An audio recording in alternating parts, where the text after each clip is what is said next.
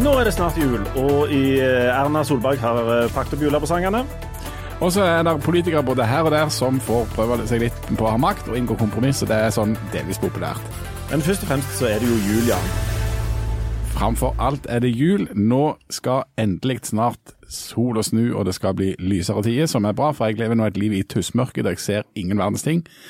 Det skal jo på død og liv være så koselig nå. Så hjemme hos oss er det ingen lys på, så du, du ser ingenting.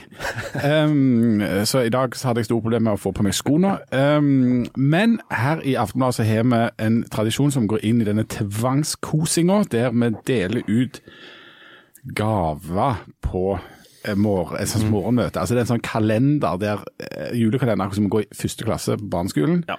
Og Folk tar på seg nissemasker og, og deler ut milde gaver. Og for å si det sånn, i dag så var det du som var skal vi si offeret, eller? I dag kan vi si at jeg var definitivt offeret. Altså, jeg er jo ikke så veldig god å å komme på disse samlingene tidlig om morgenen, eh, men eh, når jeg kom på jobb i dag, så lå der en, eh, en innpakket eh, presang på pulten min fra en såkalt artige kollega. Ja da. Hva var det som var inni den pakken? Det var ehm, ehm, Ja, her er lyden av den, lyden av den pakken. Jeg får, jeg får, å ja, det er med. Åh. Dette er lyden av uh, Dette er lyden av Harald Birkvold, komment- vanligvis kommentator. Nå sitter han og kjæler med en Og du kan også høre, Hvis dere er helt rolige nå, så kan dere høre lyden av Hilde Øvrebekk som eh, mot bedre vitende spiser dette mirakelset. Jeg, jeg, jeg tar en liten bit, det greit? jeg fikk fem plater med eh, verdens aller verste oppfinnelse, nemlig fruktnøtt. Det er 200 gram hver, er ikke det? De 200 gram hver. Ett et kilo, kilo med uh, djevelens eget snop. Mm. Satans eh, bæsj. Men hva er det du har så mye mot fruktnøtt Jo. og dette med å, å motta gaver? Den- Altså, jo en nydelig kombinasjon av deilig melkesjokolade, nøtter og litt frukt. Det Nei, denne her har ikke jeg smakt siden jeg var liten, og det var veldig, veldig rart. Vel- Den der frukten inni. Nemlig. Og det, det, Hilde er inne på det som er problemet her. Dette er jo eh, et, De påstår jo at dette er sjokolade, og så har de putta Sjokolade er jo en positiv ting. Ja. Og så har de stappet dette fullt med nøtter. Det, det kan jeg være med på. Så er det da frukt. Altså rosin. ja, men det er viktig. Rosin Altså, er jo deilig. Nei, det er ikke det. Rosin er jo forferdelig. og det, vi skal jo ha fem om dagen, og det er viktig at vi får i oss på frukt og grønnsaker. Her er det jo en veldig god måte. Her får du både i deg frukt og nøtter. Og vil, jeg vil også si at det er på mange måter Jeg tror sjokolade er en av fem om dagen, for det er lagt av uh, kakaobønner. Ja, det er jo frukt. Det er jo frukt. Ja, ja. Ja, Veldig sunt. det- Dette er da vår, min eh, såkalt artige kollega Eivind Orre som syns dette var en god idé, og gir meg et kilo med dette. her. Og, og Problemet her er jo at eh, du kan ha sjokolade og så kan du ha frukt, og så kan du separere de to. Ja. Vi har jo ikke, Nå, er, nå stappes det jo alt mulig inn i sjokolader for tida, da, men frukt har ingenting i sjokolade å gjøre. Enkelt og greit. Men altså, det sørger for sikkert både næringsinnhold, men òg altså at det gir struktur. Altså at det er noe Men det er jo ikke og, godt. Og at det er som en slags surprise som ligger der inne. Altså Du tror det er en sjokolade, men så åpner det seg opp et helt nytt smaksbilde. Det er et kinderegg. Det er et kinderegg. Nei, det er ikke et, altså Kinderegg består av sjokolade, og så er det en lege inni. Det er ikke sånn at de har tatt legegreier, altså alle de små bedene, og stappet ned i melkesjokoladen, sånn at folk skal drive og så spise sjokoladegreier, de dra ut med sånne små plastikkbeder, og så lage det greier. De har separert. Altså Du har sjokoladen her, og så har du andre greiene her. Og det er jo eh, Hvis disse idiotene i Freia ja, kunne ok, bare kunne tatt ja, ja. Så kunne de separert. Så kan du ha frukt på ene sida, så kan du ha sjokolade på andre sida. Og hvis det er noen som har lyst til å stappe begge disse ingrediensene inn i munnen samtidig, så kan vel det være opp til den enkelte, da, å få lov til å gjøre Ja, det. det høres ut som lett litt sånn som gløgg. Slapp av. Ja, har ikke begynt på gløgg. Nei, det er bra vi skal ta ferie. Skal vi si noe annet som er en blanding av, av fint og deprimerende? Det er jo at eh, Leif Tore, som dere hører, er jo Leif Tore Linde er et veldig engasjert forhold til dette med fruktnøtt, og har skrevet et par eh, ja, Petia om fruktnøtt. Det er vel kanskje Det er noe av det best leste du har skrevet i år. Ja. Altså, det er liksom sånn Eller noen gang. ti- Titusenvis leser det. Dette, dette er ekstremt deprimerende. Altså, vi, får jo, vi får jo da tall på hvor mange som leser det vi skriver. Um, eh, du Jan, du får jo hver dag beskjed om hvor deprimerende få som leser de marginale greiene som du skriver. Harald, du, du skriver jo Det er jo ingen som egentlig leser det du heller skriver, bortsett fra når du skriver om bom, som vi skal snakke om i dag. Um, Hilde, dine eh, lange analyser av enormt kjedelige ting er det jo òg veldig få som leser, med mindre du skriver om Israel eller bom. Mm. Eller klima. Ja. Og det som jeg skriver og bruker lang tid og samvittighetsfulle arbeid og lang tid på, er det jo altfor få som leser. Men så dukker jo disse gangene opp der du får beskjed fra noen Du, du må levere sånn eh, drøs, en sånn spalte vi har på lørdagen. Helt sånn i panikk. Og så har du fem minutter før du skal gå, og så hamrer du ned et eller annet. Og dette var bare en tanke som slo inn i meg fordi at vi hadde snakket om eh, hva for noen sjokolader som var gode. og Sånn. Så jeg, jeg brukte tror jeg fem-seks minutter på bare å skrive noe rål som fruktnøtt. Og det er det med god margin det i, som jeg har skrevet i Aftenbladet som er blitt mest lest. Ja. Men du traff ei nerve, som det heter. Ja. Ja, det gjorde det. Og dette er jo, dette er jo midt i sånn treffe nerve-segmentet. Det viser seg at dette fruktnøtt-spørsmålet det får fram virkelige følelser i folk. Og så er folk enormt delt. Jeg har til nå ikke truffet noen tror jeg, som syns fruktnøtt er, det er greit nok, men ikke så veldig. Folk enten elsker det eller hater det. Ja. ja. Og, så, og, så, og sånn går, sånn sånn går går dagene. dagene, ja. Jeg må bare si at jeg har fått enormt mye fruktnøtt tilsendt. eh, og oppskrifter, bilder, anonyme fruktnøtter i, i, um, I posten. I posten. Ja. Uh, jeg, der er folk som har, når jeg har vært ute og intervjua dem, som skal være såkalt artige og løgne, så kommer med ei skål med fruktnøtt, og så setter de den på bordet, og så sier de sånn Du, vi kjøpte inn litt fruktnøtt. og det er jo ikke løye.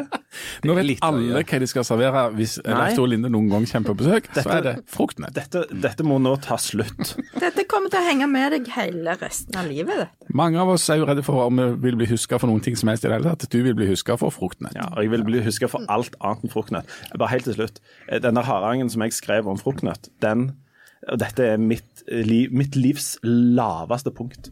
Jeg forteller gjerne om at jeg ikke har så mange lave punkt, men på et tidspunkt så var det noen som gjorde meg oppmerksom på at Freia har delt det, den der eh, Den der saken som jeg skrev om fruktnøtt, den delte Freia. Og tok som en slags sånn ha-ha til inntekt, altså som en slags reklame for dette. Denne satans sjokolade. Så det du vil bidra til, det er å løfte fruktnøtten gjennom dine beinharde urettferdige angrep på fruktnøtten? Jeg er redd for det. Jeg er litt sånn som, eh, sånn som eh, politiker. Jeg prøver mitt beste, men utfallet blir som regel det verste. Altså, Det var en nydelig og litt tynn overgang til politikere. vi måtte øve på noe annet nå. Jeg orker ikke mer. For det er sånn at eh, nå har det jo vært en slags eh, frisk Vi er på en måte med, på vei inn mot en avslutning på en ganske frisk eh, sesong med politikk. Det har vært lokalvalg, det har vært eh, maktskifte lokalt på det her og der, og det er all slags folk som nå har fått makt og myndighet, og det har til og med vært noen statsrådsskifte på toppen i Norge. Det skal vi også snakke om. Skal vi starte i Stavanger Ja, vi gjør det. Nå, nå er jo eh, og Sandnes, faktisk. Og Sandnes. Ja. Nå er jo eh, budsjettene for eh, Nå vet vi hva som skjer med budsjettene for disse byene. Og budsjettet er jo på en måte det mest konkrete vi kan eh, måle og eh, politikere på. Nå har det vært skifte i Stavanger Ja. som har gjort dette ekstra interessant. Hva gjør de som ikke ble gjort før? Og Ja, og jeg, altså, for, ja, Budsjettet er jo det konkrete uttrykket for den politikken som det faktisk blir noe av, eh, altså ikke lovnadene. Og på dag var det? Mandag? Harald? Ja. Ja, ja, mandag. Da var det altså debatt i Stavanger kommunestyre om det nye eh, budsjettet, og det var, der pleier ikke jeg å gå, men der var jo noen timer denne gangen med litt interesse. Og det er jo en, en litt surrealistisk eh, opplevelse. Det er et møte som begynner klokka ni om morgenen, og de holder på til åtte om kvelden. Og de diskuterer og de krangler som så det, altså, det var ganske bra temperatur der. Og så blir det ikke endra et komma i det budsjettet. Men eh, nå er det altså sånn da, Harald Virkevold, du har jo fulgt Stavanger-politikken ganske tett. Stavanger blir nå styrt av et rød-grønt styre, av en konstellasjon av fem-seks parti. Og hvis seks parti skal samarbeide, så betyr det at det må inngås noen kompromiss. Og et av de partiene som har kommet inn der, har vært et parti med en veldig viktig sak, nemlig bompengesaken, som dominerte hele lokalvalgkampen. Hvordan har det gått med FNB når de nå skal være med å styre byen? Er de blitt kompromissvillige, eller står de på sitt? Ja, Nå sikter du sikkert til den kronikken som jeg skrev for, etter det møtet som du nevnte på mandag i kommunestyret. Uh, og Ja og nei. Altså, FNB ble jo valgt inn på den bølga av eh, bompengemotstand som, som ikke den starta for, for så vidt her på, på Nord-Jæren, men som ble en nasjonal sak. Eh, og mange har jo da etterlyst eh, hva slags type avtrykk eh, bompengepartiet skulle få i budsjettarbeidet. Men det bygger til en viss grad på en misforståelse. fordi at det er jo ikke budsjettet for Stavanger kommune som egentlig bestemmer bompengetakstene og bompengepolitikken. Det blir jo gjort i denne såkalte styringsgruppa for eh, denne her bymiljøpakken. Og, og I den styringsgruppa sitter det mange kommuner, sant? Ja, det er de fire kommunene på Nord-Jæren pluss fylkeskommunen som er på den ene sida av bordet, og så er det staten på den andre sida av bordet. Men de representerer jo, når de sitter der, så representerer de jo på en måte kommunen sin og det som er den politiske viljen ja, i den kommunen. Ja, men ja det er ikke i budsjettet for den enkelte kommunen at en vedtar satsene for bompenger. Det gjøres i den styringsgruppa. Så Derfor så står det ikke så veldig mye konkret om bompenger i budsjettet for verken Stavanger eller Sola eller Sandnes eller Randaberg. Eller fylket. Men det var mye snakk om bompenger i kommunestyret. Ja. Frp og FNB, som nå står på hver sin side, men som begge hevder å jobbe mot bompenger, mm. krangla jo om hvem som var best i å jobbe mot bompenger. Ja da. Uh, og det er jo den på en måte dynamikken som er mellom Fremskrittspartiet og FNB, fordi at begge fisker etter de samme velgerne. Eh, altså de som er veldig kraftig imot bompenger og kanskje ser på bompenger som det viktigste spørsmålet når de skal velge parti. Um, men så er det jo sånn at uh, for å få makt i Stavanger eller Sandnes eller Norge for den saks skyld, så er jo partier nødt til å samarbeide. Og da er de nødt til å inngå kompromisser. Og det er nok noe som smerter særlig de partiene som er typisk sånn ensakspartier, eller som er veldig sånn eh, De er valgt inn på et veldig bestemt og kanskje litt smalt program. Eh, at de da blir plutselig tvunget til å ta virkeligheten inn over seg og skjønne at OK, vi kan ikke få alt sånn som vi vil. Og det, Den læringsprosessen har jo FNB da vært igjennom nå. Ja, og det har blitt, eh, Er det smertefullt for dem, eller går det fint? Og hvordan tar velgerne deres imot det? Ja, det er jo det som er spørsmålet. Eh, jeg tror nok at uh, i og med at Frode Myrhol og, og noen andre i FNB har jo sittet allerede en periode i uh, det såkalte bystyret for Stavanger, forrige periode, som nå er kommunestyret, og har jo lært dette her. Men en del av de ferske medlemmene som har blitt valgt inn nå etter den der Nok er nok-protestaksjonen, har nok hatt en litt brattere læringskurve. og Det har nok sett bl.a. i Sandnes, eh, hvor det har vært mer eh, turbulens i gruppa enn det har vært i Stavanger. Ja, for istedenfor å bli FNB der, så var det han som het Sigurd Sjursen, er det ikke det han mm. heter, som, som, tok initiativ til Nok er nok. Han gikk istedenfor gikk han inn i Frp. Han gikk i Frp, ja. mens Alexandra Lind, som jo var eh, kanskje den Nok er nok-auksjonens liksom, flaggskip eh, i Sandnes, valgte å gå til FNB og ble valgt inn på deres liste. Så ble hun da ekskludert før hun da ble tatt inn igjen. Eh, så der har det jo vært fryktelig mye fram og tilbake. Og I FNB så er det liksom en det er en ganske stor eh, minoritet i det partiet som er fortsatt på den der vi skal ikke inngå noen kompromisser-linja. Vi skal bare si nei til bompenger, og skal ikke være med på noen form for hestehandel. Uh, hele og reine og ranke, ikke sant. Uh, men der, i det partiet har jo òg denne her kompromisslinja vunnet fram, da. For det at de fleste som er i politikken ønsker jo å få makt, og for å få makt så må du samarbeide. Det er jo eh, flere partier enn FNB her, selv om det på, på, en måte er det tydeligste partiet, kanskje de og Miljøpartiet. Men det er mange partier her som mm. skal bli enige om mye. De skal bli enige om en retning. Hvis vi ser på, på liksom de store linjene her, det, går det an å si hvem det er som har fått mest gjennom, hvem som har fått minst gjennom, og hvordan de på en måte som en, som en helhet har kommet fra eh, å lage dette budsjettet? Ja, jeg tror eh, det er jo Det preger en del av de sakene som Arbeiderpartiet har eh, fronta, som eh, gratis SFO og gratis skolemat. Eh. Og så tror jeg de, de sakene liksom de, de, snudde jo i elleve saker. Uh, og det, det, viser jo litt Altså, det viser jo at de lytter på folk uh, og innspill som kommer, og de upopulære vedtakene som de hadde. Men det, det viser òg litt at de ikke helt har klart å finne veien ennå. Og at det er litt vingling, og at de, de, må nok eh, ha litt lengre tid på seg for å finne ut akkurat hva alle disse partiene klarer å stå for sammen. Mm. Og så tror jeg det er viktig å huske på at eh, når du snakker om en kommune av såpass størrelse som Stavanger, så er det, det er jo et ganske stort dyr dette her. Det er et budsjett på mangfoldige milliarder kroner. Stung, det er en stor skute. Tar litt tid å snu. Og som har blitt større nå. Som har blitt større, men ikke så enormt mye større da i antall mennesker, men allikevel større geografisk, er jo helt klart. Men det som er da, det er at etter valget så har egentlig det nye flertallet, hvem det nå måtte være, ganske dårlig tid på seg til å lage et budsjett som skal legges fram før jul. Uh, og De er jo valgt inn for en fireårsperiode, så hvis du skal evaluere hva, de har, liksom, hva stempel de har, har satt på Stavanger-politikken, så tror jeg kanskje det er litt tidlig ennå. Men jeg er helt enig med Hilde som sier at det, det er tydelig at dette første budsjettet er Der har nok Ap og kjøttvekta som følger med å være størst, og ha ordføreren hatt en del innflytelse på hvilke saker som ble prioritert. Som er helt naturlig i en sånn sammenheng. De største skal få mest. Ja, og så er det vært viktig for dem, selv om de har fire år på seg, så er det jo viktig for dem å vise at de leverer på et eller annet. Altså, De kan ikke sitte og holde igjen i tre-fire år fordi de skal ha god tid. Nei, nei. Så Derfor er det jo vært viktig. sant? Og Derfor så har de jo da innført noen eh, ganske dyre ordninger. Eh, som jeg har eh, diskutert litt. Grann. Altså er det lurt å, innføre uh, ordninger for, uh, som universelle ordninger for folk som både har råd til å betale selv og folk som ikke har råd til å betale selv. Uh, men det er jo, det er jo veldig sånn symbolverdien de vektlegger med det. Altså, de, de, har sagt gjennom valgkampen at de vil bli attraktive for barnefamilier. og De innfører en del riktignok dyre ordninger for å tiltrekke seg barnefamilier. Men det var jo dette de lovte ja, ja. De, de, under valgkampen, så det er jo ikke noe overraskelse at de innfører en del sånne ting.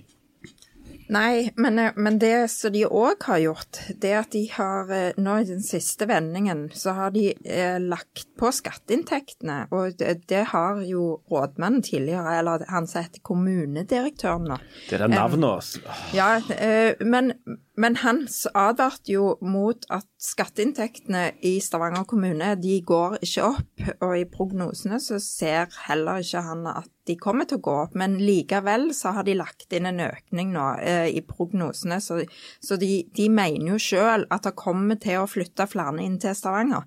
Men det er ikke nødvendigvis eh, det som kommer til å skje, fordi at det er konkurranse om f.eks. barnefamilier fra kommuner eh, ved siden av sånn Sandnes og Sola, eh, hvor du lett kan kjøre inn og jobbe i Stavanger, men da skatte til en annen kommune.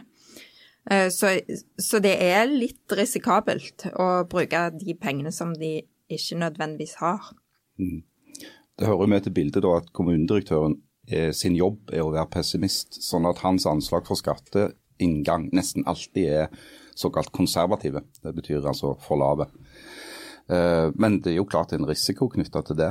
Eh, når det gjelder det Jan sier om, og du òg Hilde har jo skrevet om dette med, med, prisen på noen av disse her universelle ordningene, det er jo at altså det mest effektive forsvaret for universelle ordninger er at uh, universelle ordninger er på en måte sånn vi ordner det i dette landet. Alle skal få, og så tar du inn igjen pengene gjennom skatt. Altså du omfordeler ved hjelp av skatt. Så det, det finnes ganske logiske forsvar for at eh, hvis du skal ha gratis skolemat, så skal alle få.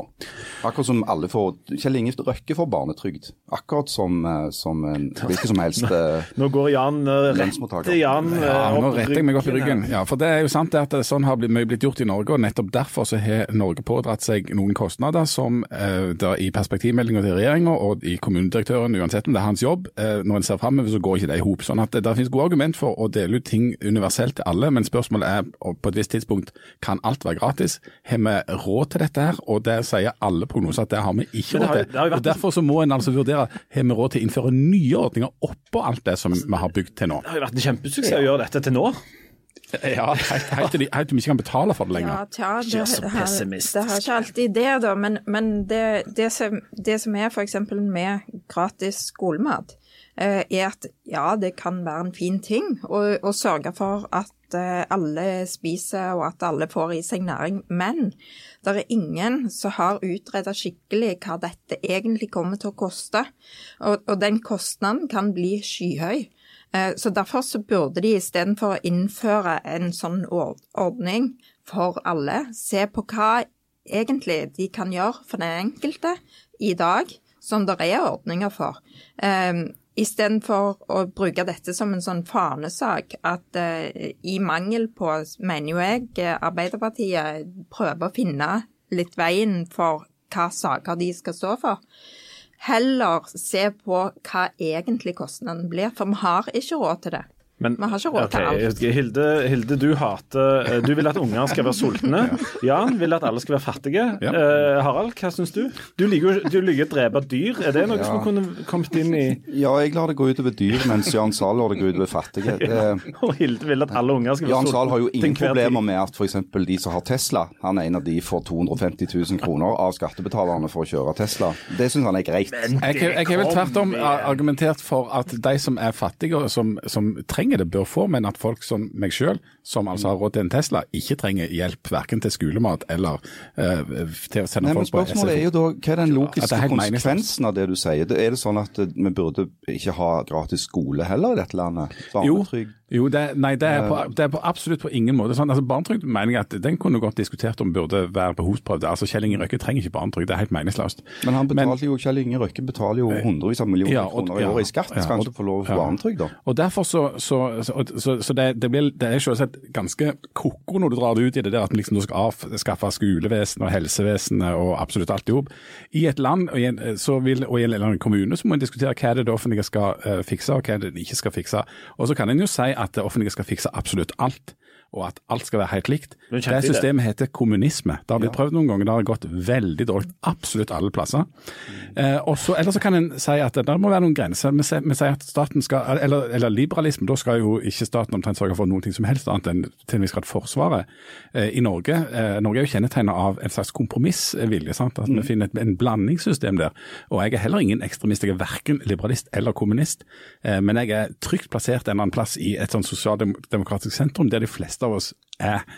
Eh, Så må du finne ut hva har vi råd til, hva har vi ikke råd til, hva er det fellesskapet via skatteseddelen skal betale, hva er det som ikke skal Der har jeg et, et lite innspill, litt sånn fra sidelinja. Men eh, i, her en dag så fant jeg ut at jeg hadde råd til å betale 500 kroner for en tryllestav. Der ser du, virker den tryllestaven? For det- Dattera mi for noen år siden øns- ønsket seg tryllestav, men ikke, sånn, ikke bare sånn stav, men med magi Ja, som virker. Nemlig. Fordi at, og dette må, må ikke uh, min nevø høre, for han skal få den til jul. Hører han podkast? Nei, det kan jeg aldri tenke meg. Men meg og hun minste mi var i, i en forretning for tryllestaver, for det fins i Stavanger. Og, og Han ønsket seg tryllestav, og så sto vi der og så tenkte jeg, en tryllestav det kost, kan ikke koste mye. Så gikk vi inn der. Kom det et eller annet eh, menneske opp fra denne, eh, fra, i butikken der, og så fant Om dette mennesket bare oppsto i en sånn stjernestøv, at det sa sånn bling Nei, og så- men det var nesten Nei, sånn. Jeg sto og kikket inn på noe, så snudde jeg meg, så plutselig så sto hun der. Og så sa hun 'kan jeg hjelpe deg med noe?' Og så ble jeg forfjamset og sa jeg 'jeg trenger en tryllestav'. Så jeg litt sånn høyt, litt for ivrig. Så hun fant fram en tryllestav. Den kosta nesten 500 kroner. Og da kikket hun minsta mi og så sa ja, 500 kroner for en pinne? Det virker jo ikke engang! Men jeg har da revet 500 kroner på en Men, men eh, hva, hva er det så hva, um, Unnskyld at jeg spør, men, men hva er det en sånn tryllestav uh, er? Det er jo i i realiteten en pinne. Jeg tror den er i plast, så da er det vel strengt tatt bare en- en pinne av plast. Og så står det Harry Potter på den, og det er jo, da er det fort 500 for de. Ja, men det er 500 kroner for en pinne? Ja. Men han ligger i ei eske. Men det Harald Birkevold jo mener, det er at dette er noe Stavanger kommune burde sørget for at alle fikk. Nei, vet du hva? Gratis tryllestav? Alle, Gratis alle, alle, Alle barn. alle politikere i Stavanger har fått hver sin stein, som er en slags passiv-aggressiv trussel fra Ja. eh, bomgjeng, eh, bom- Bomgjengen. bomgjengen, ja. Ja. Eh, og det var nå en, en, en artig kar som mente at um, det, dette var jo da innpakket i papir. Så var det en som foreslo at eh, de skulle gå til innkjøp av en 60-70 sakser der oppe, for så kunne de ha et, avgjøre alle saker i, med stein, saks, papir. Ja. Du skal vi hoppe over på eh, nas nasjonalnivå, for der er det jo der er det mye populært ja, som skjer. For du Jan, du hater de rike. Eh, Hilde hater unger som er Jan mette. og, elsker de rike. ja, elsker de rike, sånn var det. Og eh, Harald eh, hater dyr, så han tar livet av dem. Men eh, eh, vår nye eh, olje- og energiminister hater miljøet. For noen, I hvert fall gjorde det for noen år siden, men nå har Sylvi Listhaug eh, ombestemt seg. Eh, Eller har hun det? Nei, men Hun elsker iallfall oljebransjen. Det må jo være godt nytt for oljebransjen, Hilde? Ja, ja. ja det, Hver- nå er, har, vi, har vi ikke nå fått en minister som mener at hver dråpe skal opp? jo, Alt. det har vi fått. Ja. Vi har fått en minister som eh, tidligere har sagt at hun eh, tviler på klimaendringer. eh, er menneskeskapte, men så har hun fått beskjed om at hun kan ikke gå rundt og si det lenger. Men vet vi at det er sånn, eller Nå, har sier- seg? nå sier hun at hun tror at de ikke, ba, at de ikke, at de ikke bare bare- menneskeskapt. Nei, hun er- sier at de er også Også menneskeskapt. Ja, Det betyr det men, samme, men, det. men, hva an- andre ting som ligger bak, det var det ingen som fikk Men nå, men nå har nok klimaet endra seg i de 4,5 milliarder år som uh, verden har eksistert, og der det ikke var mennesker. Så, så, så det er jo noen naturlige variasjoner, er det ikke Ja, det? det er det jo Men er dette en god minister for eh, olje? Vi driver jo i, med olje her. Eh, Er dette en, eh, Kommer Sylvi Listhaug til å bli en hit blant oljearbeiderne? Blant oljearbeiderne, eh, ja kanskje, men- men ikke blant eh, oljesjefene. Å. Nei. Det er forskjell på de. Eh, Det er det forskjell på. fordi at du, Hvis du ser på oljebransjen sjøl, så har de eh, i det siste jobba så hardt som de kan for å snu og vende på seg og virke mer klimavennlige. Eh, Equinor, eller Statoil, skifta jo til og med navn. Eh, For å grønnvaske selskapet. Og det er jo eh, en sånn Det har vært en litt sånn tilnærming mellom de eh, miljøorganisasjonene og eh, oljeselskapene. Og de snakker mye mer sammen, når de inviterer hverandre inn, gjerne i, i forskjellige fora. Bursdager og konfirmasjoner og den type ting. Ja, ja. Eh, men, men det har vært mye mer snakk om løsninger og, og veien framover. Eh, og det Listhaug gjør nå, er jo å ta den helt tilbake igjen til der vi var egentlig for noen år siden. Og istedenfor skape enda mer sånn Det svarte skiftet på en måte her eh, Ja, gjør det- oljebransjen svart igjen. Ja, sånn, eh, sånn at, at du går tilbake til der det er to fronter. Og det er jo det som er hennes metode. Det Listhaugs metode er å eh, skape konflikter, og så lage en fiende eh, for det synet som hun sjøl står for. Hun er jo ikke akkurat kjent for en sånn kompromissløsningspolitiker. Akkurat det. Og det, det er jo det som bør bekymre, eh, som Hilde sier, som bør bekymre sjefene i oljebransjen. Det at er de tjent med at du får en ytterligere sånn polarisering av denne debatten? Du, du ser dette allerede. Eh, F.eks. i Oslo, hvor Fremskrittspartiet nå er et miniparti eh, med, med små utsikter til å bli særlig store igjen, så eh, er jo denne her polariseringen voldsomt tydelige mellom eh, sånne militante eh, miljøforkjempere på den ene siden, og sånne minst like militante bilister på den andre. Eh, det, hvis det skulle spre seg utover landet eh, med Listhaug som en slags sånn katalysator, så tror jeg ikke det ville være bra for eh, oljebransjen i det hele tatt. Men, men en, en minister skal jo eh, tekkes ganske mange forskjellige folk. og eh, Tilfeldigvis har vi nå med oss i studio en mann med hovedfag i sammenlignende politikk, nemlig eh, Jan Sahl fra Bryne. Ja. Er er ikke Sylvi Listhaug satt inn som minister her for å hjelpe Frp? Det var akkurat det jeg skulle til å spørre om og snakke om litt- sjøl. Fordi at ja, Sylvi Listhaug er nå da sjef på en måte for eh, oljebransjen, eller oljeansvaret i Norge. Men hun, hun har jo òg en sjef, og den sjefen heter jo Erna Solberg og er jo fra et annet parti. Så det er jo hun må jo godkjenne at Sylvi Listhaug skal bli sjef for dette. her. Og det er jo eh, litt grann forvirrende. For det, at, eh, altså, det, det er noe indremedisinsk i Frp for dette, for Sylvi Listhaug har òg enn så lenge en, en annen sjef som heter Siv Jensen. Sånn at det er nok viktig for Frp dette her, og for å, få inn begge sine nestledere for å liksom ha dem med eh, når det skal bli valg og sånt. Men jeg forstår ikke valget til Erna Solberg, og jeg forstår ikke hvordan samarbeidet med Sylvi Listhaug skal foregå når det er en miljøminister fra Venstre og når Kristelig Folkeparti inne. Kommer Så jeg, her tror jeg det blir masse godt sånn pressestoff framover. Ja, absolutt. Ja, så tror jeg òg at eh, f.eks.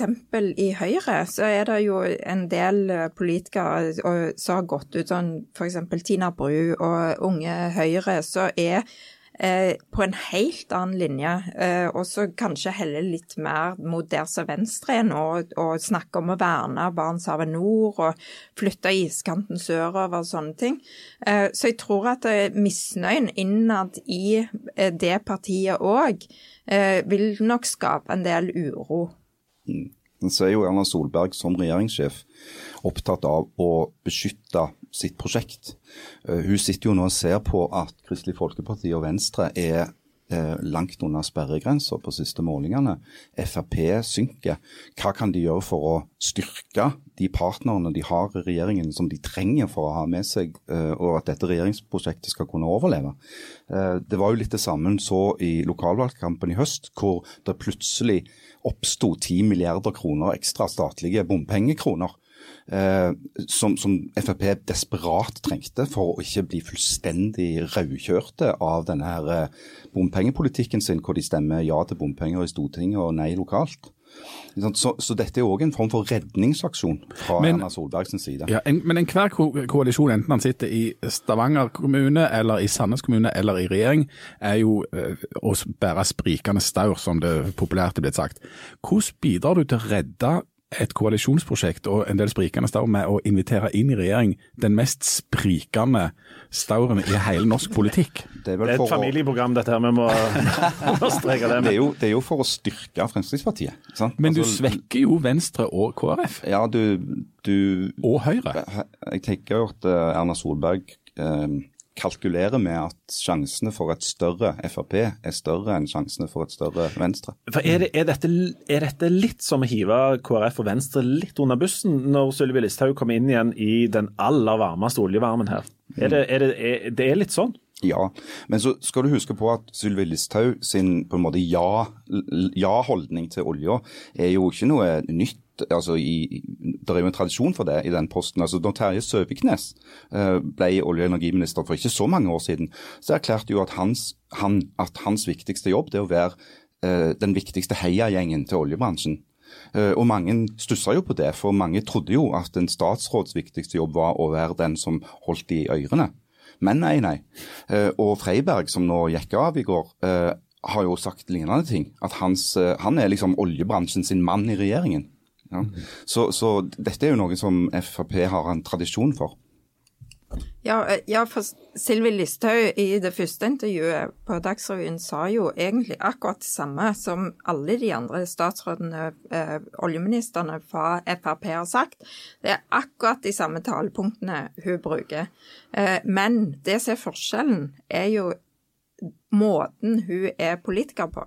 Eh, og måten hun får oppmerksomhet på rundt sine saker, og det at hun er ikke villig til å inngå kompromisser i det hele tatt. Eh, det har vi jo sett i mange flere saker, og, og hun bruker jo alle midler for å få gjennom sin mm hjertesak.